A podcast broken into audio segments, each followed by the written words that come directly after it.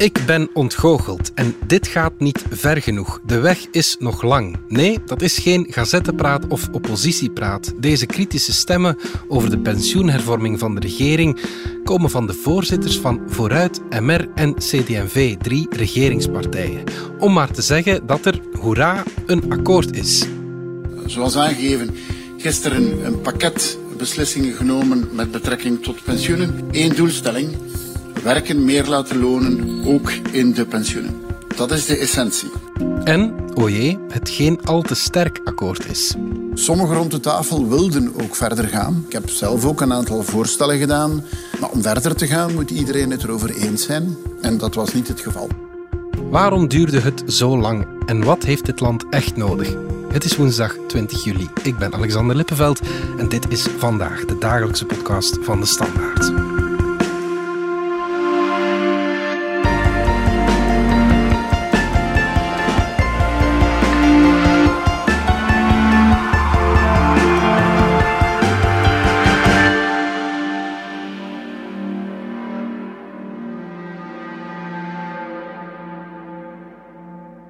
Jan-Frederik Ablos, chef politiek. Ik heb nog geen twintig uh, jaar gewerkt en ik heb dus nog geen recht op een uh, minimumpensioen. Maar jij komt stilaan in de buurt of uh, beledig ik je nu? Ik kom, nee, nee, nee, dus geen belediging. Ik kom stilaan in de buurt. Dus de, de zak met goud wacht.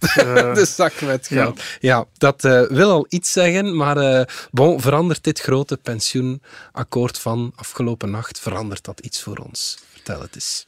Wel ja, er verandert wel wat. En uh, wat ook bijna typisch is bij elke pensioenhervorming, het wordt er niet altijd eenvoudiger op om te weten waar je nu recht op hebt. Mm -hmm. Het is zo, uh, aan het begin van de legislatuur was er de groots aangekondigde verhoging van het minimumpensioen. Dat ging naar 1500 euro netto, dat ja. was de slogan.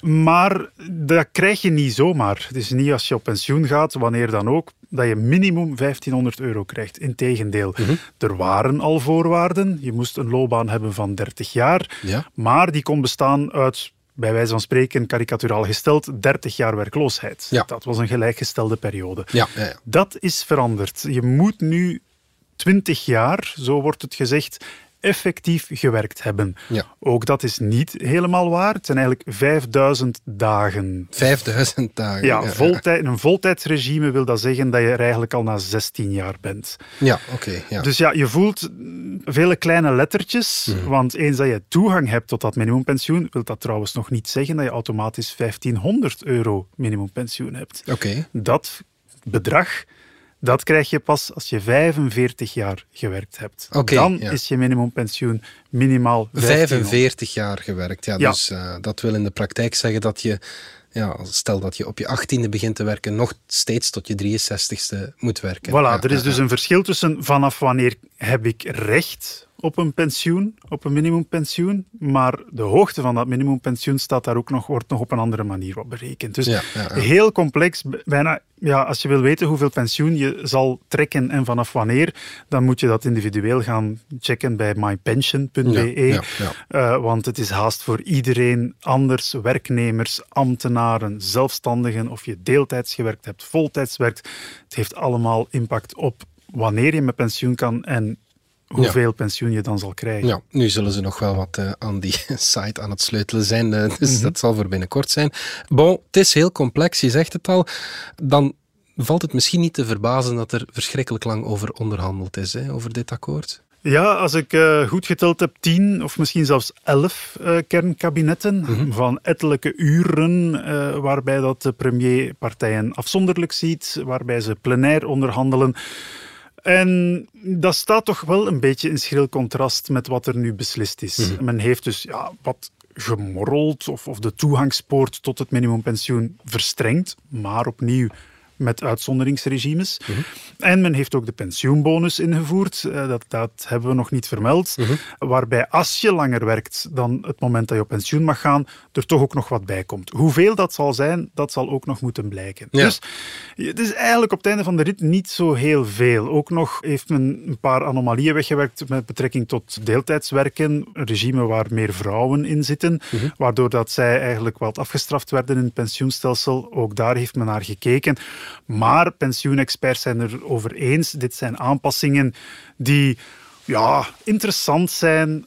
Maar bon, dit gaat niet naar de kern van de zaak. Mhm. Namelijk, hoe krijgen we meer mensen langer aan het werk? Ja. En zorgen we ervoor dat die pensioenfactuur onder controle blijft? Wat is dan zo de grote twistappel geweest? Waarom heeft het dan maar tot dit geleid? Wel, het ding was dat je natuurlijk al beslist had om die minimumpensioenen te gaan optrekken naar 1500 euro. Mhm. Dat stond al van bij het begin van de legislatuur in zeer grote letters op de verkiezingspancartes van haast alle partijen, maar zeker de linkse partijen. Ja. Dat was een enorme trofee, ook voor de Partij Socialist. En uh, nu kwam je een beetje in de rare situatie dat diezelfde partijen eigenlijk de toegang tot die 1500 euro, waar ze al breed mee hadden uitgepakt, wat moesten gaan verstrengen. Mm -hmm. En dat is natuurlijk iets wat partijen veel minder graag doen. En zeker de Partij Socialisten had schrik dat, zij, ja, dat de glans van hun trofee ging verdwijnen en dat zij naar die achterban moest teruggaan om te zeggen van oké, we hebben jullie 1500 euro minimumpensioen beloofd, maar bon, de kans dat hij die gaat krijgen is plots wel wat kleiner geworden, want hier zijn alle kleine lettertjes uh, die we nu hebben beslist. En dat zorgde ervoor dat de PS eigenlijk helemaal geen zin had in een akkoord. Dat heeft Magnet ook, voorzitter Paul Magnet van de PS, met zoveel woorden gezegd. Ja. Dus je zou kunnen zeggen, het mag al een wonder heten dat er überhaupt een akkoord is. Mm maar je ziet dat het natuurlijk... Uh, het is een klein mager beestje geworden. Een aantal zaken zijn aan koer de route zelfs van de onderhandelingstafel gevallen, zoals deeltijdspensioen. Ja. Dat wilde deze regering ook mogelijk maken. Dat is weg. De gunstige uh, pensioenregimes bij Defensie en de NMBS, op een bepaald moment wilde men die ook in dit pakket duwen, is ook van tafel gegaan. Ja. Dus uiteindelijk is men geland op de hoe noemt men dat, hè? de kleinste gemene deler waar die zeven Vivaldi-partijen toch nog mee naar buiten konden komen. Ja, ja, ja, inderdaad. Ja. We luisteren even naar minister van Pensioenen Karine Lalieu vorig jaar op Kanaal Z. 20 ans, c'est hors de question. Ça, je peux déjà le dire. 20 jaar, zegt ze, dat doen we niet. Die, mm -hmm toegang tot dat minimumpensioen. Ja, je zei net dat je wel twintig jaar moet uh, gewerkt hebben. Dan hebben ze wel fors verloren. Ja, maar bon, ik zei ook dat er veel uh, ifs en buts en, en, kleine lettertjes bij zijn. Effectief, de liberalen schuiven nu die twintig jaar naar voren, want dat was hun eis. De socialisten die hadden 10 jaar gezegd. Wat je nu krijgt is effectief 20 jaar, maar het is eigenlijk 5000 dagen. Mhm. Uh, mensen in een deeltijdsregime die zouden geen 5000 dagen uiteindelijk moeten gewerkt hebben, maar slechts 3120 uh, equivalente dagen. Enfin, er zijn weer allerlei manieren waarop dat die 20 jaar toch weer anders kan gelezen worden uh, en waarbij dat het eigenlijk niet zo is dat je 20 jaar fulltime moet gewerkt hebben voor dat minimumpensioen. En dat is natuurlijk wat de PS zal benadrukken. Dankzij ons is het eigenlijk geen 20 jaar. Die liberalen zeggen dat wel, maar kom, het zit een beetje anders in elkaar. En is de PS tevreden? Je hebt de indruk dat ze hiermee kunnen leven. Ja, uh, dat, ze, dat ze dit... Uh, Ergens mee kunnen leven, ja. Wat, wat is dat dan Dat ze dit verkocht krijgen. ja. Uh, dat, ja, ze stonden ook onder heel grote druk, om wel toe te geven. Mm -hmm. van alle zes de andere Vivaldi-partijen, die eigenlijk zelfs vooruit, de zusterpartij van de PS in Vlaanderen, die wilden verder gaan. Mm Het was uh, nota bene Conor Rousseau, uh, voorzitter van Vooruit, die op een bepaald moment zei, ik krijg dit niet meer uitgelegd. Ik vind het echt erover. Iedereen zal wat water in de wijn moeten doen. En uh, ik vraag me soms af wat sommigen nog in de regering zitten te doen, buiten het hebben van een aantal ministerposten. Dat was een fragment van uh, vorige week op Radio 1. Ja, was Rousseau of is Rousseau terecht boos, Jan-Frederik?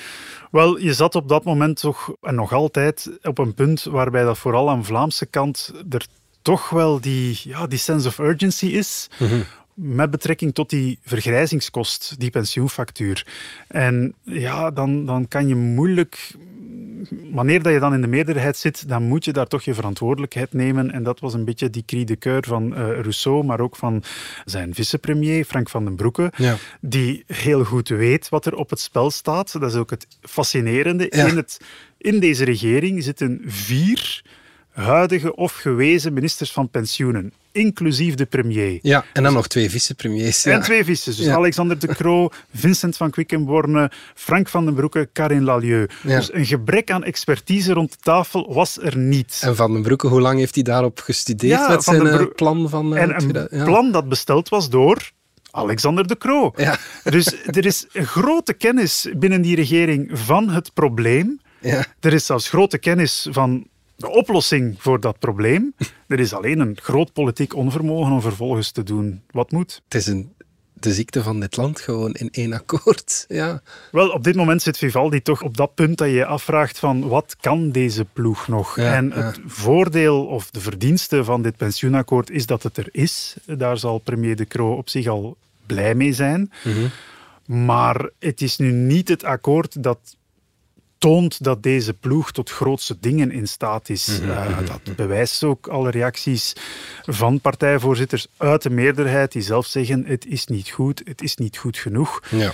Ja, bon, dan heb je geen oppositie meer nodig natuurlijk. Ja, inderdaad. We luisteren even naar die oppositie, naar Peter de Rover, fractieleider van N-VA. Dus het robuust maken, ervoor zorgen dat ook in de toekomst pensioenen gaan kunnen betaald worden. Alle onderzoeken tonen aan dat de vergrijzingskost de volgende jaren enorm gaat toenemen. Eh, en daar wordt niks aan gedaan, want dus ook alle punten die genoemd worden, die komen eigenlijk in feite erop neer dat de kost eerder verhoogt dan verlaagt. En dat is eh, de teleurstelling. Ja, om die kosten te verlagen, om de pensioenen betaalbaarder te maken, ja, daar ging het natuurlijk vooral om. Hè. Ja. Brengt het de staatskas iets op? Goh, de, de vraag is vooral of dat het niet... eh, het zal wel goed zijn als het niet meer de staatskas kost. Want vooral die pensioenbonus bijvoorbeeld zijn er al grote discussies over. Of dat dat een systeem is dat effectief in het beste geval mensen langer laat werken. Maar bon, met een kost.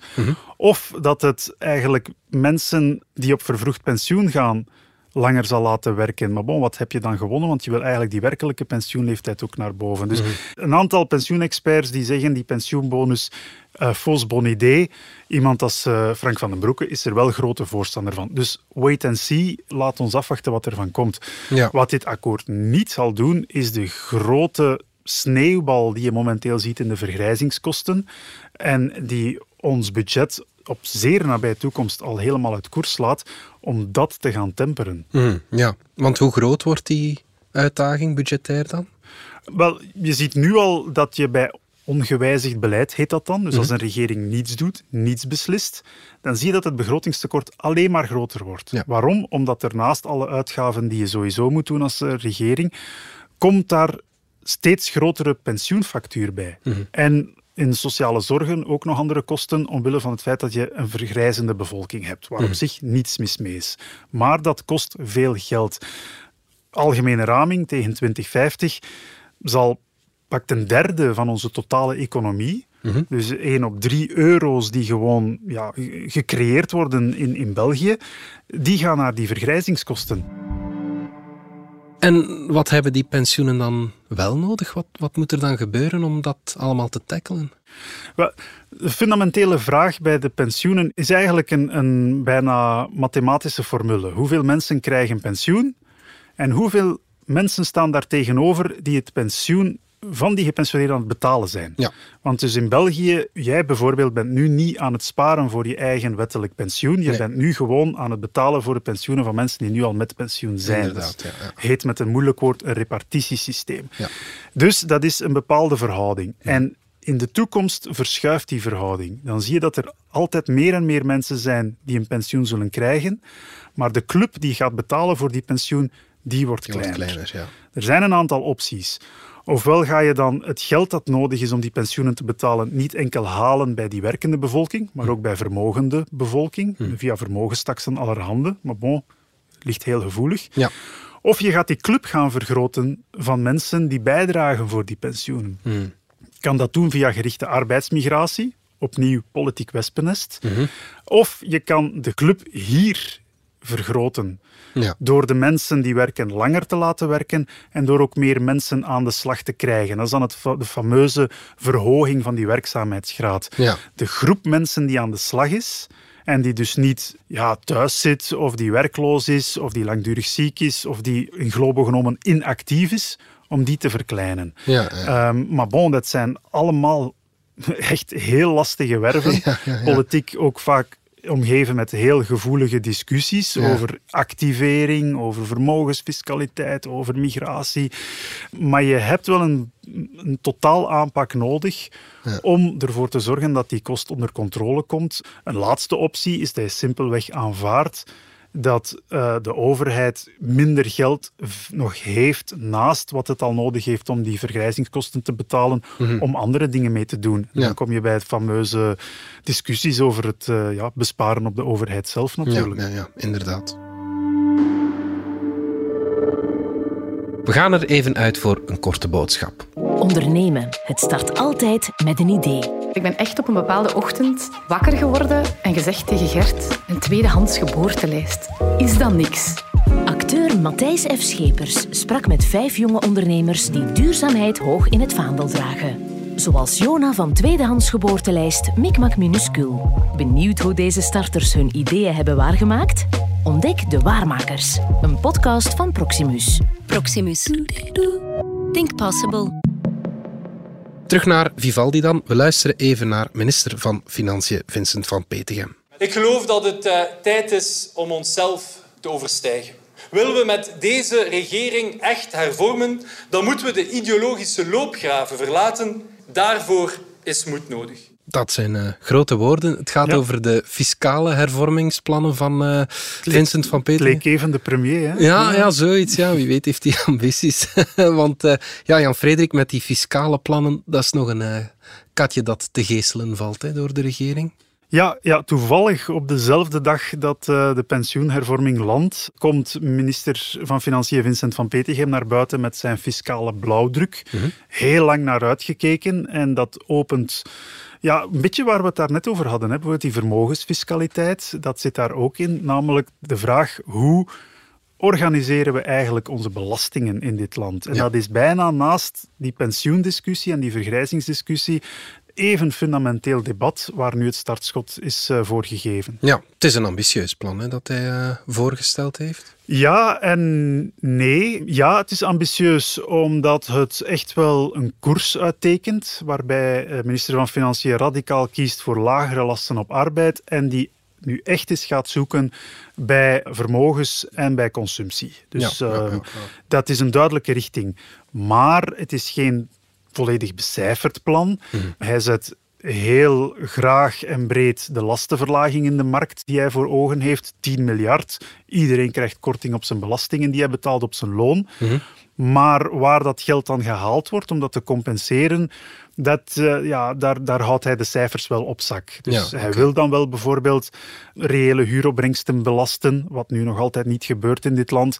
Hij wil de meerwaarden op aandelen belasten wanneer die verkocht worden, wat nu nog altijd niet gebeurt. Maar hoeveel dat dan opbrengt, wat daar de kleine hmm. lettertjes weer zijn, ja, dat weten we nog niet. En dat zorgt ervoor dat deze blauwdruk, want dat is het ook maar, een schabloon is waarvan nog zal moeten blijken in hoeverre dat dit nu ook allemaal gerealiseerd wordt. Ja, ja, ja. Twee weken terug was er een nota van een expert, Mark eh, Delanote van de mm UGent. Die werd toen ja, bijna onmiddellijk begraven door Georges-Louis Boucher, voorzitter van de MR. Is dat nu ook gebeurd? Uh, nee, dat is nu niet gebeurd. Misschien omdat ja, Marc Delanote de kogel al gevangen had. Maar het opvallende was dat Georges-Louis Boucher gewoon niet reageerde. Oké, okay. dat is niet van zijn gewoonte. Hè? Nee, tenzij dat het wat strategisch was. Ook bij Open VLD voelde je dat men eigenlijk niet veel goesting had om, laten we zeggen, van Petegem nog wat meer aandacht te gunnen. Zeker op een dag dat de pensioenhervorming er komt. Het ding is dat Vincent van Petegem is met zijn plan ja, naar de pers gestapt. Mm Nog voor dat hij het plan had overhandigd aan de premier of de rest van de regering. Dat is politiek gesproken voor een minister een doodzonde waar je op het strafbankje voor belandt. Dat is nu niet het geval, omdat het hier natuurlijk niet gaat over echt een wetsontwerp uh, van een minister. Het regeerakkoord zei ook enkel dat Van Petegem moest voorbereiden. Uh, niet dat hij iets specifiek moest op tafel leggen, wat bijvoorbeeld wel de opdracht was voor minister van Pensioen Karin Lalieu. Ja. Dit is een blauwdruk, dat heeft wettelijk geen enkele ja, status. Hmm. En wat Van Petegem, waar hij eigenlijk heel open over was, was van kijk, ik deel dit nu met de media, zodanig dat het plan tenminste in zijn totaliteit, ja. in alle transparantie naar buiten komt. Lees, als ik dit neerleg op de tafel van de regering, dan wordt dit binnen de kortste keren gelekt op een zeer selectieve manier, waarbij men inderdaad misschien uh, mijn hoofd eraf uh, hakt, omdat ik reële huuropbrengsten wil belasten, maar er vergeet bij te vertellen dat ik ook dit wil doen. En eigenlijk geeft dat ook al aan, hè, dat er daar binnen die regering toch wel een gebrek aan vertrouwen is. Ja. Iedereen speelt een beetje voor de eigen partij. Van Petegem weet heel goed wat hij neerlegt. Dat is een mooi werkstuk. Dat getuigt van veel redelijkheid. Het is Er doordacht. zit voor iedereen wat in. Er zit voor iedereen wat in. Vandaar dat het ook voor andere partijen verdomd moeilijk zal zijn om dit nu helemaal verticaal te klasseren. Ja. En doen ze dat toch, ja, dan gaat hij gewoon mee naar de verkiezingen. Ja, Zegt hij van, kijk, ik was de man die wilde hervormen. Ik was de man die jullie 10 miljard wilde cadeau doen. Maar bon, ik mocht niet van de rest. Ja. Ja. Dat is ja, goed gespeeld, zeggen we dan. Hè. Dat toont misschien dat het wantrouwen extreem diep zit. Ja, ik vind het ook. We zitten op een punt gekomen dat die Vivaldi-coalitie elkaar nog heel weinig gunt. Terwijl dat was wel de belofte in het begin, dat dit waren zeven partijen die niet zouden kibbelen. Dat was letterlijk de titel boven een interview met eh, Vincent van Quickenborne bij ons in de krant, toen dat de coalitie net startte. Die ging bewijzen dat dat teamwork dat dat kon in de wedstrijd. Maar dat is snel gekeerd, vooral aan Franstalige kant. En vervolgens is, heeft Alexander de Croo die geest niet meer in de fles gekregen. Ook omdat hij natuurlijk verre van premier van de grootste partij is in die coalitie. Ja, ja. En um, ja, laat ons zeggen dat de stijl van Georges-Louis Boucher, namelijk laat de regering maar doen, maar ik ga vooral altijd benadrukken wat voor mijn partij nuttig is, zelfs al gaat dat ten koste van de regering, is een stijl die ondertussen bijna gekopieerd wordt door elke partij in die regering. Ja. En dan wordt het natuurlijk heel moeilijk om nog elkaar iets te gunnen. En ik denk dat je dat nu ook ziet bij Van Petegem. Ja, inderdaad. En mogen we nu nog iets verwachten van de Vivaldi-coalitie toekoor? Wel, eigenlijk, het is al van moeten zijn. Om maar te zeggen, uh, er is ook nog zoiets als die onderhandelingen met Engie die op dit moment lopen. Heel belangrijk uh, Om ook, nog twee kerncentrales langer open te houden. Er is zelfs aan Engie gevraagd of ze de eerstsluitende centrales dit najaar, volgend voorjaar, niet wat langer kunnen openhouden. Oké. Dit alles in het kader van een zeer onzekere winter. Mhm. Zal er voldoende gas zijn voor Europa? Hoe groot wordt uh, de inflatie? Komen we in een recessie terecht? Mhm. Er wacht straks een begrotingsopmaak voor deze ploeg die heel lastig wordt. Met, de begroting is al miljarden uit koers. Mhm. Wat zal Vivaldi daar tegenover zetten? Of gaat men dat maar laten aantikken de komende jaren, die tekorten? Uh, dat is ja, haast niet voor te stellen. Maar het is ook moeilijk voor te stellen dat deze ploeg nu plots de scalpel gaat bovenhalen. Ja. Uh, maar de verkiezingen zijn pas mei 2024. Ja. Dat is enerzijds dichtbij. Dat is anderzijds nog veel te ver af om nu al uit te bollen. En Ja. de, de, de stakes are too high, zeggen ze dan in het Engels. Ja. Wat wel kan, is we hebben gezien als deze regering echt in een crisis zit, zoals bijvoorbeeld de coronacrisis, dan draaiden ze eigenlijk al bij al nog naar behoren. Ja. Uh, Je omdat zou er bijna dan... durven hopen dat het tot een crisis komt. Dat heb jij gezegd, uh, Alexander. Maar uh, dan was er wel focus, dan was er ook duidelijk leiderschap. Dat zat in handen van de Kroo en van den Broeke. Er was een lijn. En het, laat ons zeggen, de kritiek van op de zijlijn, ook van die partijvoorzitters, dat maakte allemaal wat minder indruk. Mhm. Nu is dat gekanteld, waardoor dat de premier en zijn regering meer en meer het leidend voorwerp worden van partijbelangen. Mhm. Als straks natuurlijk we echt figuurlijk en letterlijk uh, winterse maanden tegemoet gaan, ja, dan is dat misschien wel een kans voor de Kroo om die autoriteit opnieuw te pakken. Mhm. Maar in afwachting daarvan benieuwt het mij om nu, wanneer we straks uit het zomerreces komen, september, oktober, Mhm.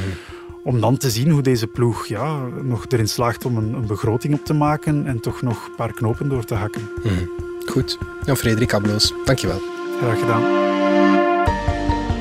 Dit was vandaag de dagelijkse podcast van de Standaard. Bedankt voor het luisteren. Volg ons op Spotify, Apple Podcast of eender welk ander podcastplatform. In onze gratis podcast-app DS Podcast kan je niet alleen de podcasts van de Standaard beluisteren, maar ook de beste podcasttips voor op vakantie of ergens onderweg, met zorg geselecteerd door onze redacteur Max de Moor. Alle credits van de podcast die je net hoorde vind je op standaard.be-podcast. Reageren kan via podcast.standaard.be.